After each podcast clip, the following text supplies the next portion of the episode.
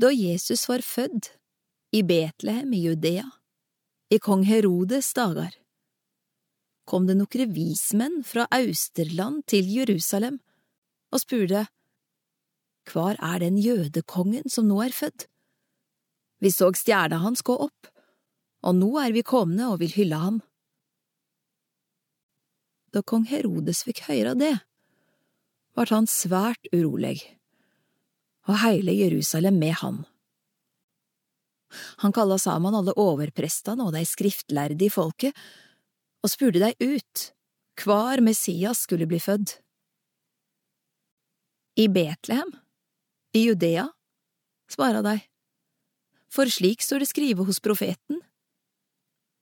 Du Betlehem i Judaland, blant fyrstene i Juda er du slett ikke den ringaste, for fra deg skal det komme en fyrste, ein hyrding for mitt folk Israel.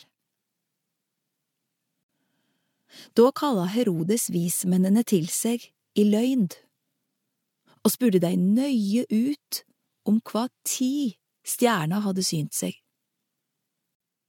Så sendte han dei til Betlehem og sa, Gå og forhøy dykk nøye om barnet, og når de har funnet det, så si fra til meg, så jeg òg kan komme og hylle det. Da de hadde hørt hva kongen hadde å seie, tok de i veg. Og sjå, stjerna som de hadde sett komme opp, for føre dei, heilt til hun vart stående over staden der barnet var. Da de såg stjerna, vart de umåtelig glade. De gikk inn i huset og fann barnet hos mora, Maria. Og de falt på kne og hylla det.